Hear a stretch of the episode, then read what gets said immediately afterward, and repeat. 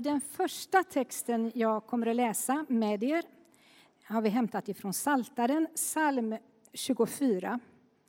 Och vi läser hela salmen och den finns på sidan 393 i våra biblar. Jorden är Herrens med allt den rymmer, världen och allt som bor i den. Det är han som har lagt dess grund i havet och fäst den över de strömmande vattnen. Vem får gå upp till Herrens berg? Vem får gå in i hans tempel? Den som har skuldlösa händer och rent hjärta, som inte håller sig till falska gudar och aldrig har svurit falskt. Han får välsignelse av Herren och riklig lön av Gud, sin räddare. Här är det släkte som söker sig till Herren och som träder fram inför ditt ansikte, du Jakobs Gud. Portar, öppna er vida, höj er uråldriga dörrar. Låt ärans konung draga in. Vem är då ärans konung? Det är Herren, den väldige hjälten, Herren väldig i strid. Portar, öppna er vida, höj er uråldriga dörrar. Vem är han, ärans konung? Det är Herren Sebaot. Han är ärans konung.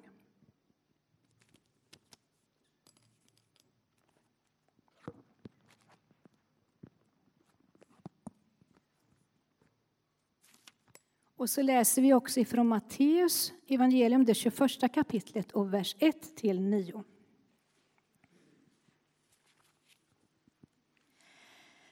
När de närmade sig Jerusalem och kom till Betfage vid Olivberget skickade Jesus iväg två lärjungar och sade till dem Gå bort till byn där framme så hittar ni genast ett åsnesto som står bunden med ett föl bredvid sig. Ta dem och led hit dem. Om någon säger något ska ni svara Herren behöver dem, men han ska strax skicka tillbaka dem. Detta hände för att det som sagts genom profeten skulle uppfyllas. Säg till dottern Sion, se din konung kommer till dig ödmjuk och ridande på en åsna och på ett föl, ett lastdjurs föl. Lärjungarna gick bort och gjorde så som Jesus hade sagt åt dem. De hämtade åsnan och fölet och lade sina mantlar på dem, och han satt upp. Många i folkmassan bredde ut sina mantlar på vägen. Andra skar kvistar från träden och strödde dem på vägen. Och folket, både de som gick före och de som följde efter, ropade Hosianna, Davids son. Välsignad är han som kommer i Herrens namn. Hosianna i höjden. Så lyder det heliga evangeliet.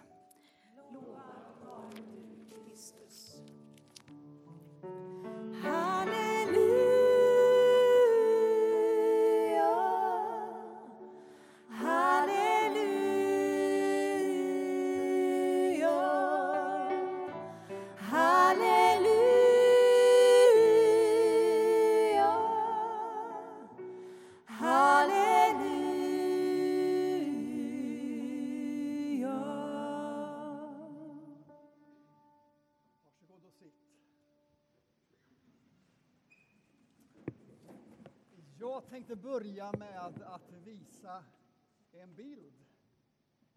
Den är på. En bild. Hörs det? Nej, då får vi se om vi tar en annan mikrofon. Nej. Ett, två. Hörs det? Hörs det? Ska jag ta någon annan? Ja. Då tar vi någon annan.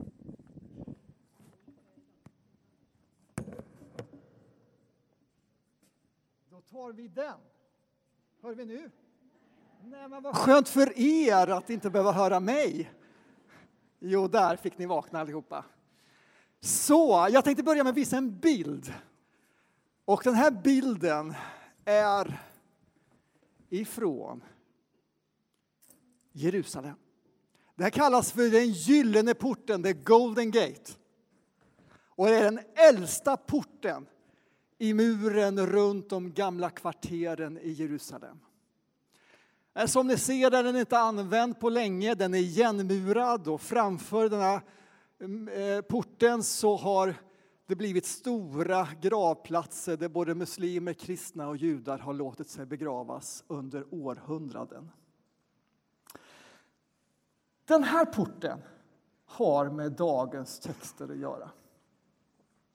Ja, inte så att det var här som processionen som sjöng gick in. Därför att den här porten fanns inte då. Men under den porten har arkeologer hittat en äldre port som man tror att Jesus tog sig in i Jerusalem den här dagen. Men vi får nöja oss med den här bilden och den här porten, för den kan vi se. Och ni ser hur pampig den är, hur väldig den är i sin storlek och i sin form som portar, murar och byggnader som vill utstråla makt och myndighet ofta är. Ta exempelvis bara det här exemplet. Här har kanske också några varit. Det här är porten in till kungen i Stockholm. Stockholms slott. Ganska rejäla och pampiga portar och dörrar också där om man jämför med den lilla vakten där nere. Själv var jag också ett ganska pampigt hus i veckan och det var i det här huset. Ett slott som finns på Östgötaslätten och kallas för Bjärka Säby. Har pampiga salar med höga dörrar. Och vi tar en bild till. Den vänstra bilden kan man se hur man rör sig från rum, salong till salong genom dörrar som är dubbelt så höga än vad de behöver vara. Men så kanske någon av er ser att i den högra bilden så är det något märkligt. Den höga dörren övergår snabbt till en låg dörr som man får bygga sig eller bocka sig för för att ta sig in. Är inte det märkligt? Vad kommer det sig? Jo, när man gick igenom den dörren så kom man till en trång trappa. En trätrappa som knarrar febrilt. Och i den trappan har tjänare och tjänarinnor genom årtionden sprungit upp och ner med matbrickor, med tvätthinkar, med veklampar och allt för att betjäna folket som bodde där. Och där skulle inga höga dörrar finnas.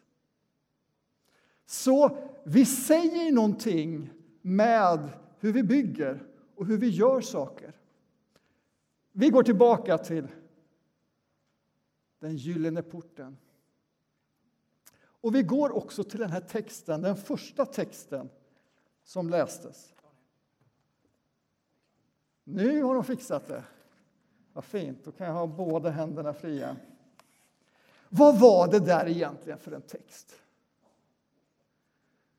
I Saltaren läste vi den.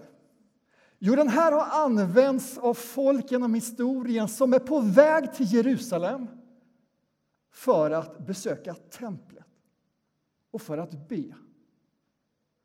Och du har bönder och allt vad det kan vara, hantverkare kommit gående till Jerusalem och ställt sig frågor. Kan verkligen jag besöka Guds tempel? Vem får gå upp till Herrens berg egentligen? Vem får träda in i hans tempel? Alltså man får ändå förstå att det är en rimlig fråga för någon som kommer ut landet och ska in till detta stora tempel med dess dörrar. Så övergår den här salmen. Den byter tonläge och den byter innehåll totalt. Vad är det som har hänt? Jo, nu har de fått sällskap av någon. Någon som inte är vem som helst, utan den som David beskriver som det är han som äger jorden med allt den rymmer, världen och alla som bor i den.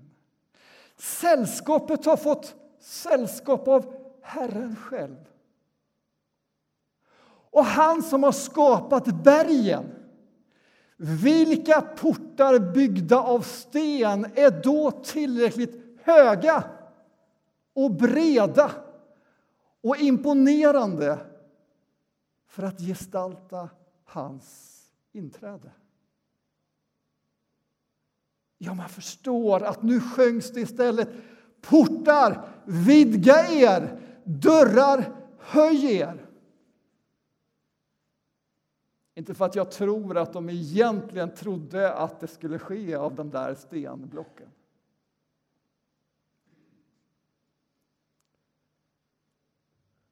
Men är det då inte egentligen lite konstigt att när det där verkligen uppfylls att Herren träder in i porten till Jerusalem. Är det inte märkligt då att man inte sjunger de orden? Har man inte väntat på det i århundraden att få sjunga portar vidga er, dörrar höj er? Låt ärans konung.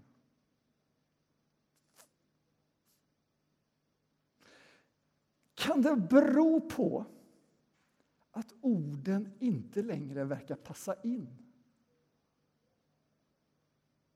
För hur ser det intåget ut när Herren själv har tagit sällskap med människorna på väg in genom Gyllene porten? Ja, då ser man ju en enkel hantverkare ifrån en byhåla som åker en gammal Volvo. Och det verkar liksom inte passa in längre. Portar, höj er! Vidga er! Det verkar ju som man snarare signalerar var finns köksingången?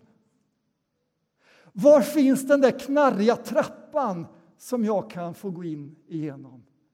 Var finns de där låga dörrarna som jag så gärna böjer mig inför? Kanske var det därför som inte den sången längre sjöngs då.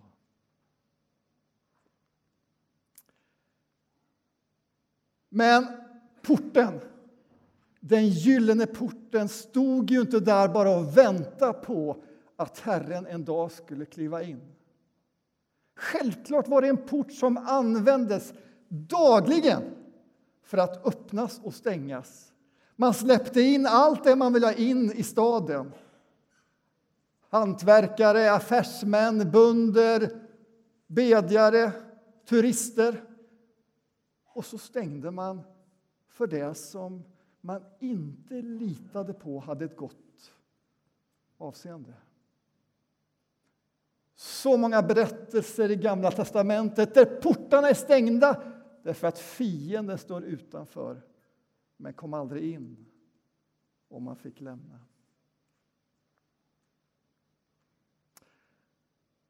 Och hörde ni, är det inte så med våra portar där hemma? Eller dörrar? Hur ser din ytterdörr ut? Eller hur ser din dörr in till tonårsrummet ut? Jag skulle gissa att de är lite sådär lagom 2,20. Men med den dörren så öppnar vi för dem vi vill ha in i våra rum. De vi tror oss väl om. Och det kan vara familjemedlemmar, även om man kan stänga dörren också för en, även för dem. Det kan vara vänner, det kan vara pizzabudet eller varför inte matbudet som har burit upp genom alla trappor tunga matkassar. De öppnar vi dörren för. Sen finns det andra vi stänger dörren för som vi inte riktigt litar på. Men ibland är det inte heller så lätt att heller stänga dörren. Min fru Gittan fick en gång erfara det. När hon bodde i en liten lägenhet i Borås några månader innan vi skulle gifta oss. Och när hon levde där så En dag så knackade det på hennes dörr. Och det är klart han, hon går och öppnar, men, men som lite försiktig hon är så gläntar hon på dörren och undrar vad, vem är du och vad vill du? Och ganska snart får hon ju upptäcka att det här är en försäljare. Och vänligt och bara så bestämt hon försöker att vara så säger hon nej tack och ska stänga dörren. Men det går inte. Det är en fot i vägen. Och ögonblicket senare sitter hon vid sitt köksbord med en främmande man och skriver under ett papper hon egentligen inte vill skriva under.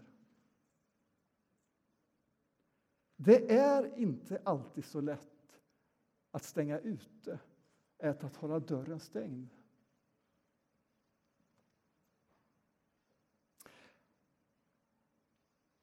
Och det här är ju naturligtvis också en bild på våra liv. Här återkommer ju så ofta i Bibeln. Dörren, porten in i våra liv som vi öppnar och stänger. Vi öppnar för en massa saker och vi stänger för annat. Kanske är det människor, kanske är det budskap, vad kan det vara? Det är inte så enkelt att göra det. Det är inget svårt att predika om det, men att praktisera det. Det gör att vi i församlingen här ägnar tid att hjälpa varandra i husgrupper eller i samtal och vägledningssamtal av olika slag. Vad vill du öppna ditt liv för? Och vad vill du egentligen stänga ditt liv för? Och dagens tredje text handlar just om det. Det är också om en dörr, om någon som vill in. Och frågan är vad vi gör med det. Ska vi läsa ifrån Uppenbarelseboken, kapitel 3. Vers 20. Också här är det Herren, eller snarare Gudasonen. Se, jag står vid dörren och bultar. Om någon hör min röst och öppnar dörren skall jag gå in till honom och äta med honom och han med mig. Gudasonen är på utsidan och vi på insidan. Om någon hör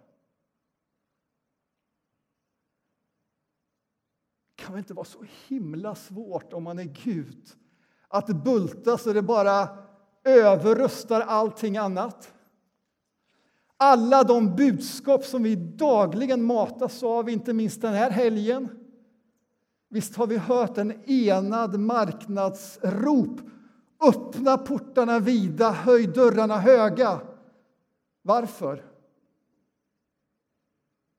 Därför att det är rea. Visst är det mycket som dessa knackningar kan drunkna i. Om någon hör.